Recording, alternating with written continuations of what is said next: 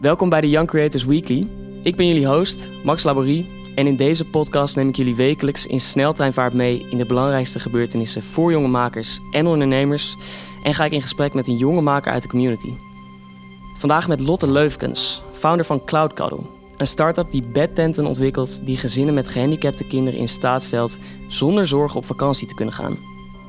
Lotte streeft ernaar een enorme impact te hebben over de hele wereld met haar uitvinding. Maar ik ben heel benieuwd hoe ze dat gaat doen en wat voor impact ze nu al maakt.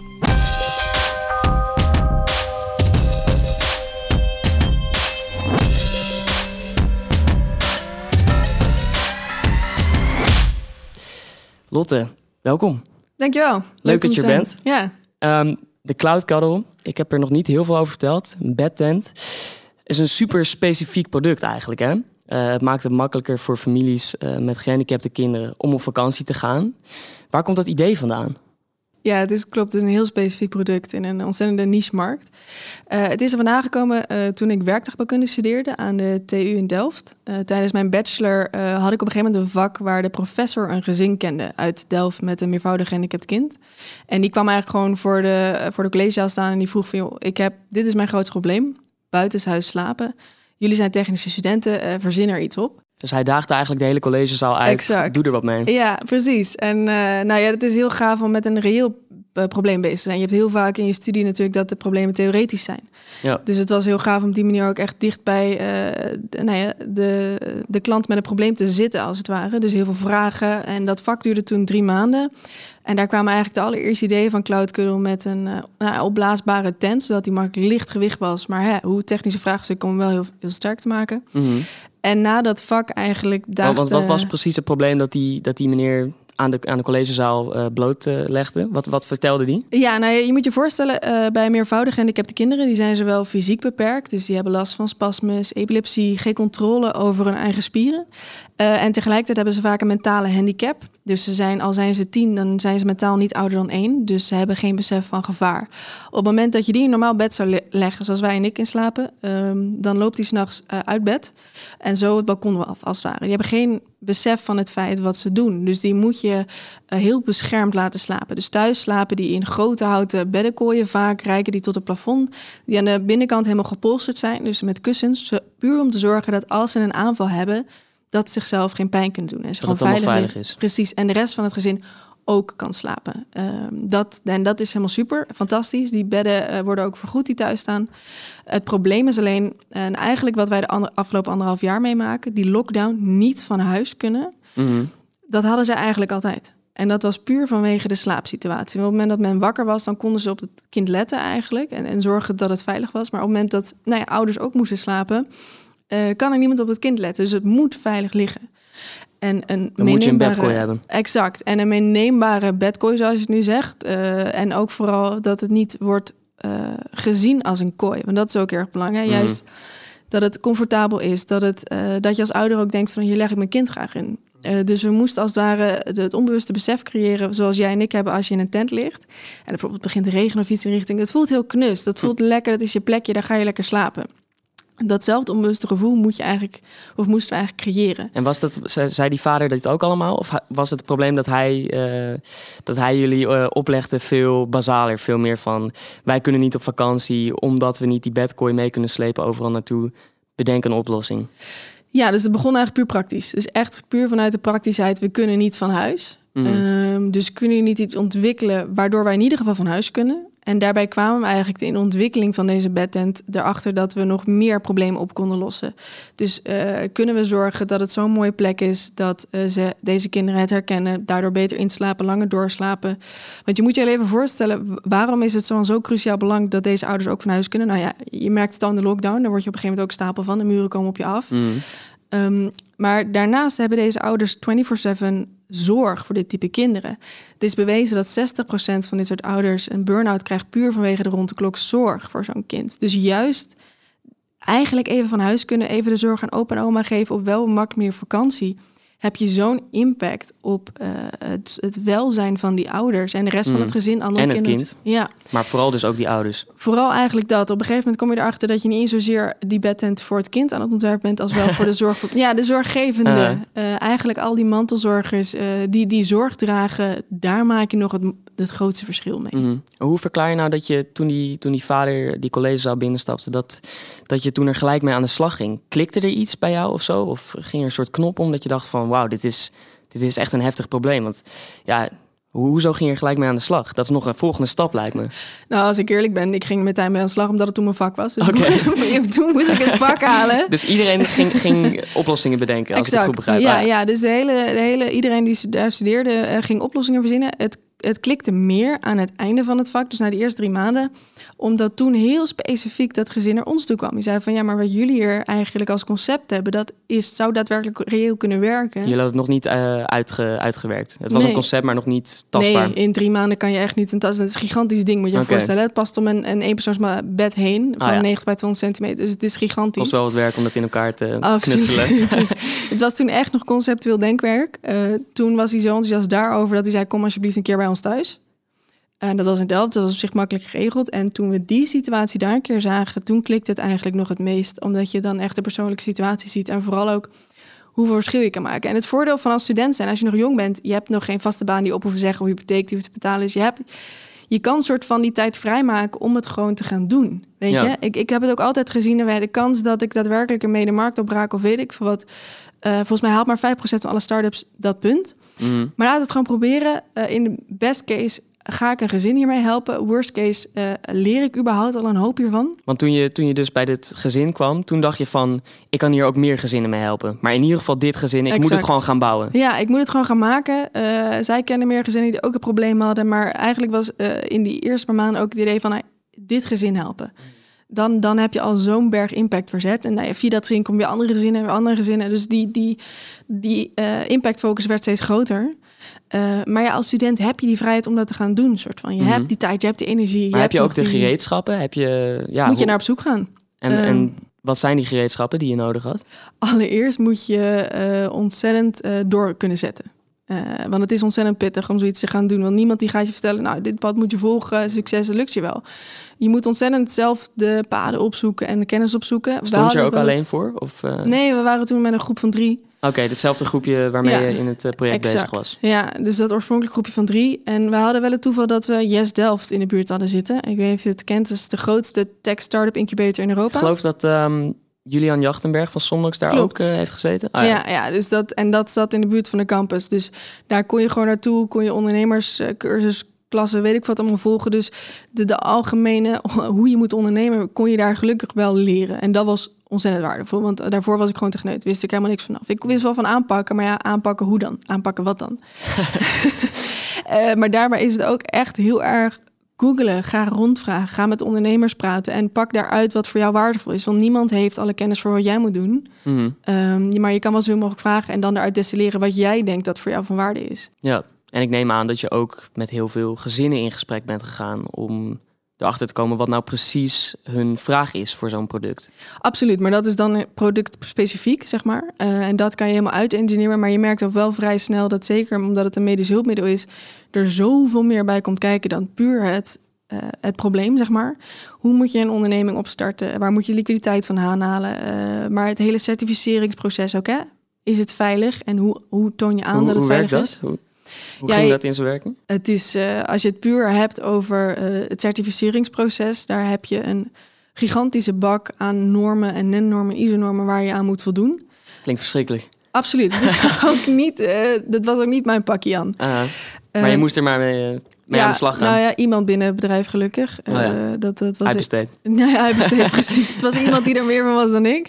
Uh, maar ik weet wel dat het, dat het gewoon een draak van een project is om dat uit te vogen. Maar het is wel van levensbelang dat je het doet. Want er komen wel gehandicapten in te liggen. Dus het is wel van belang dat je exact weet hoe je het veilig maakt en hoe mensen mm. ermee om moeten gaan. Je moet het compleet Jip en Janneke maken eigenlijk, hoe je ermee om moet gaan. Want jij werkt er al zo lang aan. Dus voor heel veel dingen zijn voor jou opgelegd. Terwijl als je een leek naar laat kijken, als ik hem jou bijvoorbeeld zou geven, zou je eigenlijk wel vrij snel moeten begrijpen wat je moet doen. Anders hebben wij hem eigenlijk niet goed ontworpen. Ja, en heb je er ook zelf uh, in uh, geslapen om, om te kijken of het allemaal, ja, of het er allemaal goed uitziet? Nou ja, niet alleen veilig is. Nou, dat eerste. Ik ja. weet wel, dan, dan voldoe je aan alle normen en weet ik veel wat. En dan ga je natuurlijk eerst zelf in liggen. Omdat op een gegeven moment ga je natuurlijk voor de eerste keer user testing doen. En dan gaan die gehandicapten erin liggen. En dat is ergens hartstikke gaaf. Want ik ja. je bent al super lang bezig, maar ergens ook doodeng. Want, Spannend. Ja, what if something happens? Dus mm. uh, de eerste paar weekenden dat we dat deden, hadden we een livestream mm. uh, in dat huis. Konden dus de ouders we... meekijken? Nou, of wij jullie? vooral. Okay. dus waren jullie de hele nacht uh, op aan het blijven? Ja, precies. Dus gewoon shifts doen met, met kijken van... maar het belangrijkste vonden we gewoon dat als er iets zou gebeuren... dat we meteen konden ingrijpen. Ja, precies. Dus dat is ook om die ouders wat, wat veiligheid te garanderen, lijkt me. Exact. Zeg maar, wij konden al wel theoretisch hebben aangetoond dat het compleet veilig was. Maar dan moest je natuurlijk ook nog in de praktijk aantonen. Um, en dat is gewoon dubbel, dubbel, dubbel, driedubbel zekerheid. Dat, dat bouw je gewoon in bij een product als dit. Mm. Uh, en dat wil je gewoon gewaarborgd hebben, zodat iedereen gewoon weet, het is goed. Mm. Um, en toen, wat kwam er uit die test? Dat, was allemaal, dat, dat zag er allemaal goed uit. Het ging fantastisch, ja. We hadden, Want dit was het eerste prototype? Of, uh... Nee, dat is, dan zit je al bij prototype 20. Okay. Voordat je het een keer daadwerkelijk uh, een, ja. een, cliënt op deze manier erin legt... ben je echt al prototype weet ik veel verder. Mm. Uh, maar dat ging hartstikke goed, dat weet ik nog wel. We hadden van tevoren echt gezorgd dat we oké, niet op te veel hopen. Weet jij van wat er gebeurt? Um, uh, dit is de ondergrens. Maar eigenlijk is het bij 100% van de gevallen hartstikke goed gegaan. Uh, en dus we kregen de meest geweldige bedankjes. Want we gingen daar in het weekend langs en door de week studeerden we nog. en we kregen wijn, boeken, kaarten, van alles. Omdat die gezinnen waar we toen mee in contact waren zo blij waren dat we dit mm. op hadden gepakt. Omdat Eindelijk het, iemand die het probleem oplost. Voor exact. Het maakt zo'n verschil in die gezinnen. Uh, nou, net zoals dat jij nu en ik nu weer uit de lockdown kunnen komen, zeg maar. Uh, hoe blij we daarmee zijn. Ja, mm. nee, maar dan moet je je voorstellen als je dat eigenlijk altijd al hebt gehad. Ja, ja. Uh, en je zegt, je zegt um, dat bed waar die kinderen in gingen liggen was eigenlijk al het tweede pro of, twintigste prototype. Ja. Kostte dat niet, uh, hadden niet verschrikkelijk veel geld nodig om dat allemaal uh, ja, waar te maken? Al, al, die prototypes ontwerpen en zo. Waar Tuurlijk. hadden jullie dat geld vandaan? Uh, nou ja, we hadden het geluk, uh, en ik geloof dat tegenwoordig meer universiteiten dat hebben, maar die hebben tegenwoordig best wel een start-up programma. Dus dan kan je vouchers ophalen, bijvoorbeeld bij je faculteit of bij je universiteit, om prototypes te bouwen. Mm. En nogmaals, we waren studenten, dus het is niet alsof we zelf onszelf nou uurlang moesten uitkeren. Want ik zag er voornamelijk nog steeds al één groot leerproces. Ik denk Ja. joh, je hebt hier zo'n bak geleerd als je dit doorgaat. Ehm, dus al dat geld stopten we eigenlijk gewoon in de prototypes. Dus wij eh, eh, op de universiteit van eh, in Delft had je dat volgens mij op de faculteit Industrie Ontwerpen en Lucht- en Ruimtevaart. En je kon natuurlijk gebruik maken van hun eh, faciliteiten, neem ik aan. Exact. En je had best wel veel start-up boards. Ik zou ook iedereen die met zoiets begint aanraden, ga lekker veel start-up boards meedoen. Je leert ontzettend veel, omdat je vaak al heel veel gratis coaching krijgt. Maar daarnaast de eerste paar prijswinnaars krijgen meestal ook gewoon wel wat budget om bijvoorbeeld prototypes mee te maken. Hartstikke waardevol in het begin. Ik bedoel, in het begin gaat het dan om een paar duizend euro. Um, maar op dat moment is dat het geld wat je nodig hebt vaak om een prototype te bouwen. Uh, dus daar deden we dat toen van. Mm -hmm. uh, en onszelf keerde in het begin gewoon helemaal niks uit. Dat maakt op dat moment ook nog maar niet uit. Ja, maar als je, ja, je, je zegt het is ook, het, het is om impact te maken. Ja. Het is om te leren. Maar als je er zoveel tijd en ook geld uiteindelijk instopt, geld dat je wel van de universiteit krijgt dus, maar ging er niet op een gegeven moment ook iets bij jou klikken van hier kan ik ook echt wel veel geld mee verdienen en ik, ik, dit, dit kan wel een start-up worden waarmee ik geld ga verdienen, waarmee ik mijn brood verdien? Of was dat niet, uh, was dat nooit... Uh... Ja, tuurlijk. Nee, maar dat, dat werd steeds reëler. Ik, uh, ik had heel erg lang in mijn achterhoofd dus van... joh, maar 5% van alle start-up beginselen wordt daadwerkelijk iets. Dus ik heb het altijd gewoon gezien, we gaan zoveel mogelijk gezinnen helpen. En op een gegeven moment zal er wel iets gebeuren waardoor het niet langer kan bestaan. Maar dat ging door en het ging door en succes na succes. Dat je op een gegeven moment, toen ik mijn studie had afgerond, wist van... nou, we kunnen hier gewoon met een fulltime team uh, mee doorgaan... en nog meer impact maken en het verder schalen. En het gaaf is dat het leerproces ook vooral doorgaat. Dat blijf ik ook zo waardevol vinden aan ondernemen. Doordat je onderneming groeit, kom je zelf ook steeds weer in nieuwe situaties terecht. Uh, op een gegeven moment ga je internationaliseren, andere culturen. Uh, hoe werken die zorgstructuren? Hoe moet ik dat managen vooral? Uh, mm. En dat is zo gaaf. Tenminste, als je leergierig bent en dat leuk vindt, is dat heel gaaf. En daar ben je. ja, precies. Want, want um, je bent, wanneer was het? Drie jaar geleden afgestudeerd? Ja. En daarvoor deed je dus naast je studie. Klopt. Toen had je ineens alle tijd om, om, om erop te focussen. Ja. En ja. Wat, wat merkte je toen? Dan gaat alles veel sneller. ja, dat nee, nee, maar echt. Want dan kan je ineens fulltime mee aan de slag. Ja. En dan kan je ook veel serieuzer geld ophalen. Op het moment dat je als founder geld op probeert te halen... en je zegt, oh ja, maar ik ben nog aan het studeren...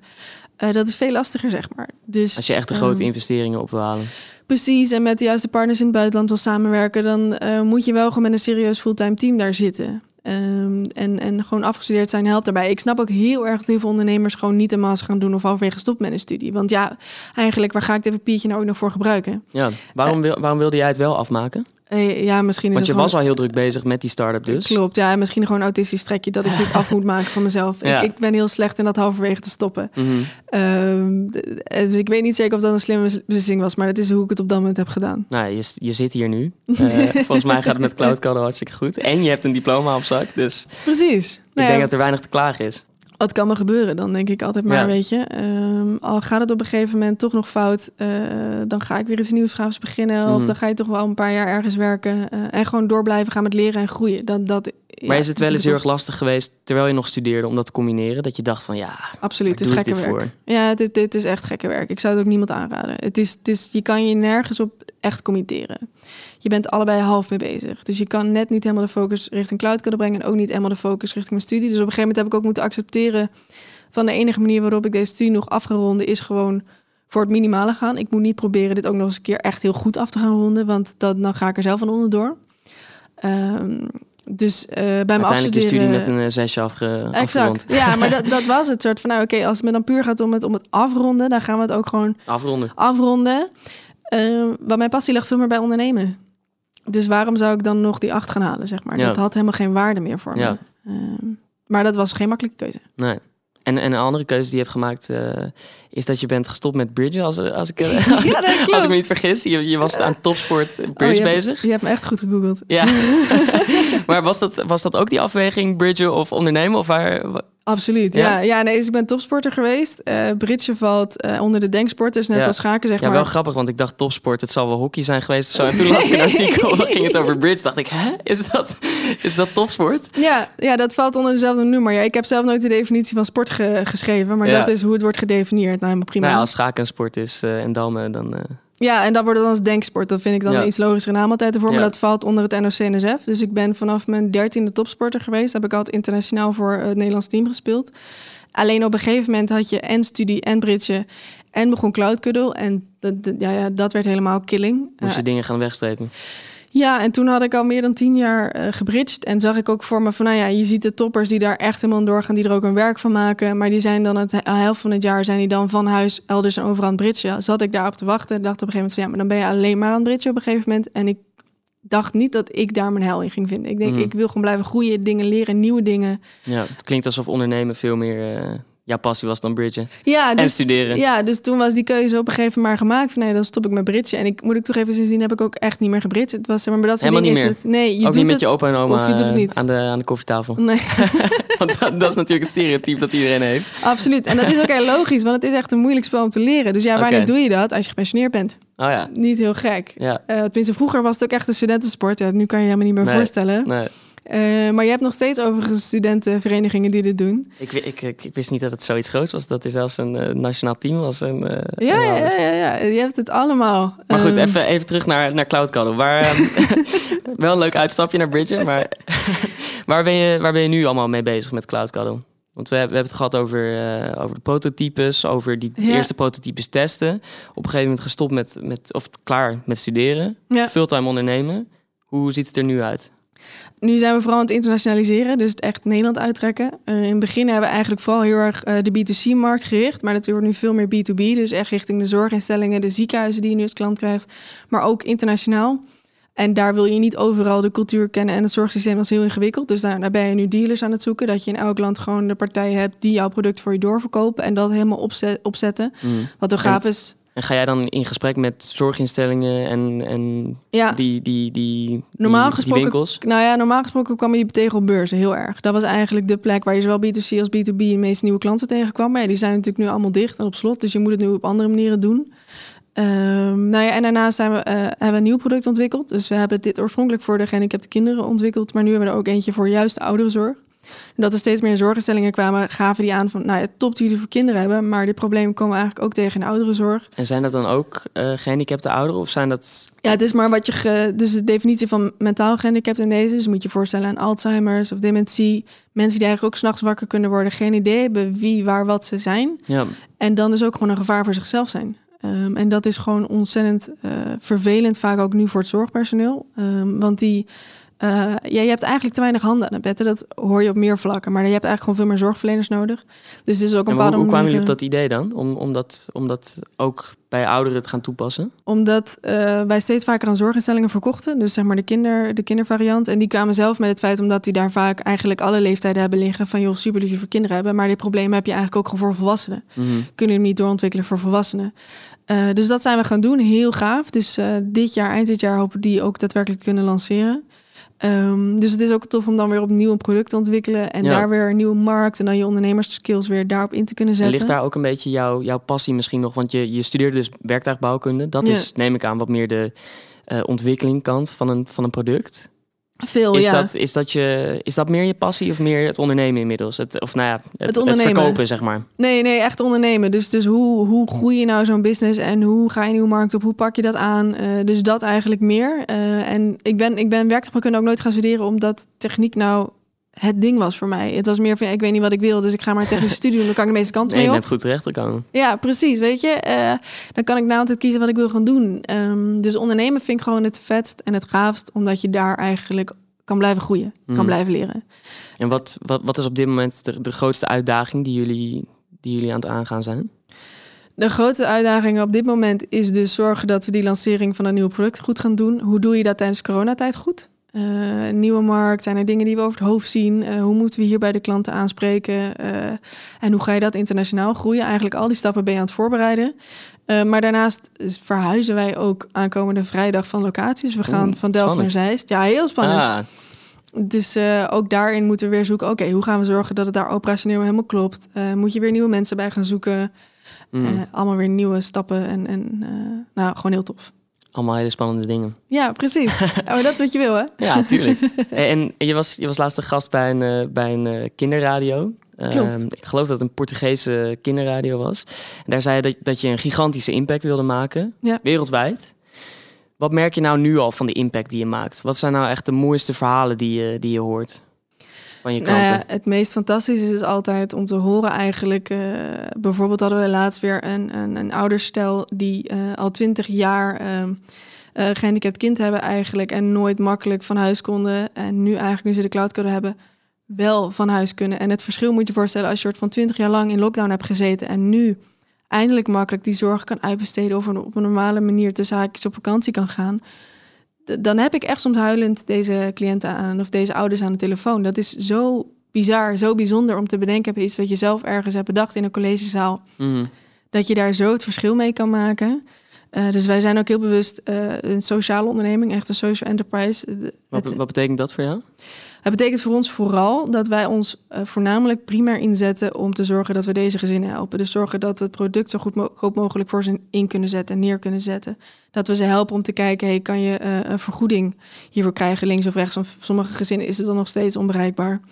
Uh, en dat dat altijd op één staat. Dus is dat dan in plaats van dat nou ja, geld verdienen op één staat of gewoon je, je bedrijf groeien, gaat het dus echt om die klant ja, helpen? Exact, ja. En geld verdienen moet je natuurlijk om te zorgen dat je een gezond bedrijf voert. Uh, maar het hoeft niet meer te zijn dan een gezond bedrijf voeren ons. Uh, de impact, daar is het centraal begonnen. Uh, daar komt de intrinsieke motivatie vandaan van iedereen die bij Cloud werkt. Dus moeten we dat ook op één blijven staan. Want anders zo houden wij plezier uit ons werk. Mm -hmm. En dat, is, ja, dat vind ik fantastisch om op die manier te kunnen doen. Ja, heel mooi. En, um, en, en hoe helpen jullie die mensen dan?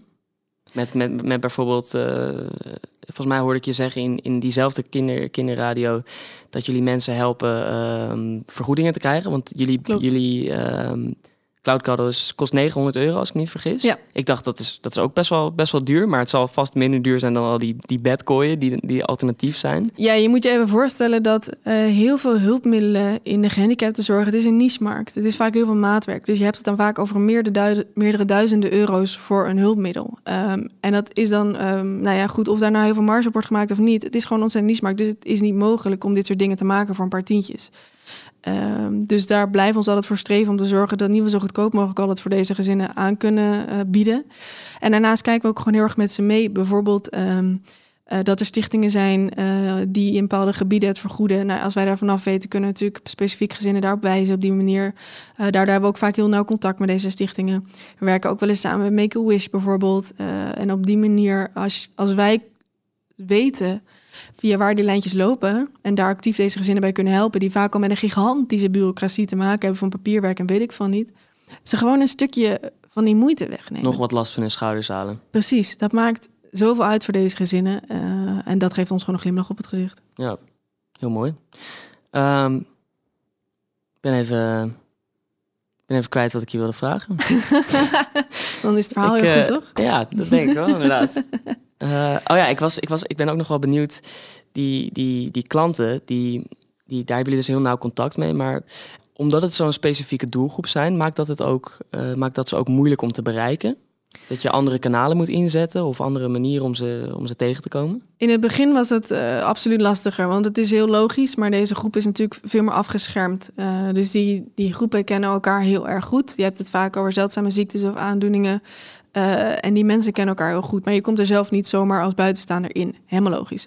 Op het moment dat je daadwerkelijk erin bent en je een paar klanten hebt in die groepen, uh, dan zijn het ook je grootste ambassadeurs als het ware. Mm. Uh, op het moment dat zij, hij, hey, dit werkt voor ons, dan kunnen zij het best het verhaal doorvertellen. Daarom dat wij ook heel veel uh, belang hechten aan het schrijven van hun verhalen, hun blogs, houden we ook bij op onze website. Zodat ouders die in dezelfde situatie zitten, kunnen lezen van hé, hey, het heeft voor deze gezinnen op deze manier gewerkt. Dan zou het ook voor mij kunnen werken. Dat vinden we eigenlijk het meest krachtige tool om nieuwe gezinnen te bereiken. En, en zeker nu er geen beurzen zijn, is het vooral belangrijk dat we online heel erg aanwezig zijn. Dus uh, op die website het allemaal up-to-date houden. Veel via Facebook vooral doen. Uh, oh ja, daar zitten oude deze... garde die zit nog op Facebook. nou ja, bijvoorbeeld, dat is echt een heel belangrijk kanaal voor ze... om zeker in de besloten Facebookgroepen dit soort oh dingen ja. te kunnen bespreken. Dat het echt privé is en afgeschermd. Um, dus daarbij is het gewoon heel belangrijk dat wij zorgen... dat we op die manier heel zichtbaar zijn online. Ja, dus als je eenmaal binnen bent, je moet dus je moet binnenkomen. Ja. En, en, en een goed imago, imago creëren. Precies. En dat doe je door, door, de, door hun succesverhalen te delen. En door gewoon heel, heel nauw en persoonlijk contact met al je klanten te hebben. En gewoon een supergoed product hebben. En een supergoed product hebben. Maar dat hebben jullie natuurlijk. Hebben jullie dat product helemaal, helemaal zelf bedacht? Hebben jullie ooit afgekeken bij iets anders? Bestaat er iets dat hierop lijkt?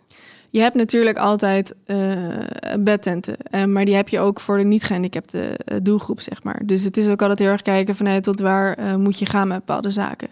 we hebben gewoon gekeken van waar, is er, waar ligt dat gat? want dat was natuurlijk ook waarom dat eerste gezin naar ons toe kwam. Die hadden gewoon een probleem wat niet, nog niet opgelost was. Dus heel makkelijk op dat moment was er niet iets wat ze echt goed konden inzetten op dat moment. Um, dus ben je het helemaal van scratch af aan gaan ontwerpen je bent natuurlijk wel gaan kijken naar hey, dat bed wat ze thuis hebben staan. Waarom werkt dat heel goed? Dus wat is essentieel voor ze om te betrekken in wat wij nu doen? Uh, maar op basis van luchtdruk eigenlijk uh, zo'n hulpmiddel ontwerpen, daarin waren we wel de eerste. En oh uh, dat is wel gewoon heel gaaf. En nu jullie aan het internationaliseren zijn, merken jullie dan ook dat jullie de enige of de eerste zijn? Of zie je dan wel ineens andere partijen die ook aan het bewegen zijn in die markt? Nee, natuurlijk. Je ziet iedereen altijd bewegen. En ergens vind ik het ook fijn uh, als er meer innovatie zou gebeuren binnen de gehandicaptenzorg. Want er zijn nog heel veel problemen binnen de gehandicaptenzorg. Ik denk, ja, dat wil ik eigenlijk ook gewoon gaan oppakken en daar gaan innoveren. Uh, maar je hebt absoluut ook andere partijen die daarmee bezig zijn. En je probeert eigenlijk, wat ik vooral belangrijkste vind, is zo van zolang iedereen een ander stukje van dat niche gaat pakt, dan is het niet mm. zo erg. Want dan lossen we met z'n allen de problemen voor al deze mensen op. Mm. Uh, ik hoef niet voor 100% van de klanten het op te kunnen lossen. Als het voor 80% is en iemand anders die andere 20% kan pakken, dat is het meest ideaal voor me. En dan mag het nog best op elkaar lijken. Dat vind ik dan niet erg. Ja, dus het is helemaal niet erg als er meerdere mensen zijn die bedtenten maken die, uh, die een beetje op elkaar lijken. Nee, ik heb, je, zeggen ze toch ook wel eens van op het moment dat je gecopycat wordt, dat is wanneer je weet dat je goed bezig bent. Mm, dat zal het zijn. ik, uh, ik, uh, ik, ik ben eigenlijk als laatste heel erg benieuwd hoe de Young Creators Community jou kan helpen met deze groei, deze internationaliseringen, of wij nog iets voor jou kunnen betekenen? Ja, nee, hele goede vraag. Uh, zoals ik net al noemde, wij gaan dus vrijdag naar ons nieuwe kantoor in Zeist toe. En wij hebben eigenlijk daar uh, ook weer nieuwe mensen nodig. En allereerst uh, een nieuwe commercieel medewerker. En het liefst hebben we daar gewoon een lekker enthousiast, energiek jong persoon bij. Ehm, Diegene zou gewoon part-time vooral bezig zijn met uh, klantcontact. En dan heb ik niet over koud klantcontact, maar gewoon mensen die al de cloud kunnen gebruiken. Die bellen we, vaak na. hoe belangrijk het is. Precies, die bellen we na. Hey, is alles gelukt? Wat was onduidelijk? Was het duidelijk? Uh, hoe kunnen we je verder helpen? Um, en uh, nou ja, daar wil je gewoon lekker enthousiaste, intrinsiek gemotiveerde mensen bij. Um, en vaak zijn die dan ook nog eens een keer de zending aan het voorbereiden. Of die terugkomen van deze mensen. Waardoor ze nog nauwer contact hebben van hey, lukt het met de zending? Of uh, weet ik wat, kunnen we nog helpen op die manier? Um, en nou ja, naarmate we groeien, hebben we daar gewoon steeds meer handen bij nodig. Dus mm. uh, als er iemand in de young community uh, daarbij kan helpen, zou dat echt top zijn. Ik, uh, ik, ik denk dat de luisteraars wel warm zijn gemaakt door jouw mooie verhaal. dus ik hoop dat er iemand opspringt. En in de tussentijd wens ik je heel veel succes met, de met de groei, met de toekomst. En bedankt voor je tijd. Dankjewel, jij ook. Hartstikke leuk om dit te doen.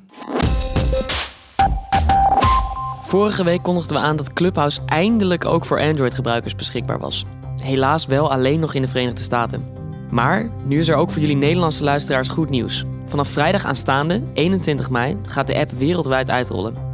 Het zal niet lang meer duren voordat niemand zich meer buitengesloten hoeft te voelen, als het gaat om audioplatforms tenminste. En ook in de cryptowereld is er weer van alles aan de gang. Als je net als ik zo ongeveer elk moment van de dag je portfolio checkt, zal je ongetwijfeld hebben gezien dat er een grote daling is ingezet. En waar een schommeling in de markt te zien is, is vaak ook Elon Musk betrokken geweest. Deze keer zou de daling wel eens gelinkt kunnen zijn aan Musks bericht op Twitter.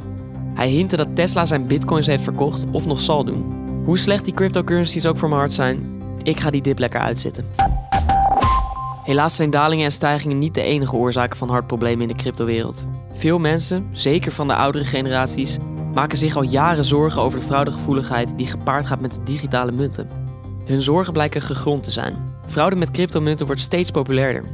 In 2018 waren slechts 168 mensen slachtoffer van deze misdaad, inmiddels rond de 500.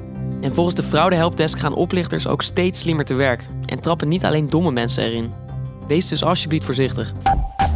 Heb jij een passie voor alles wat digitaal is en wil jij meewerken aan de strategie en ambitie van Young Creators? Dat kan. Wij zijn namelijk op zoek naar een Chief Online.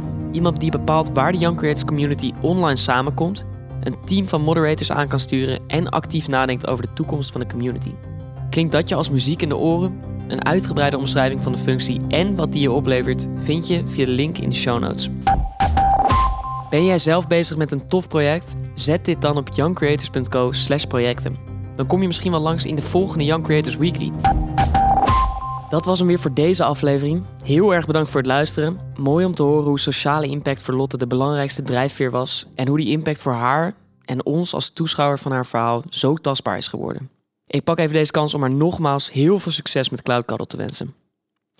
En normaal kondig ik nu de volgende gast aan, maar mijn scriptie-deadline die komt angstaanjagend snel dichterbij. Dus ik heb besloten tot eind juni me daar volledig op te storten. Dat betekent wel dat jullie me zes weken zullen moeten missen. Maar na die pauze zie ik jullie graag terug. Tot dan.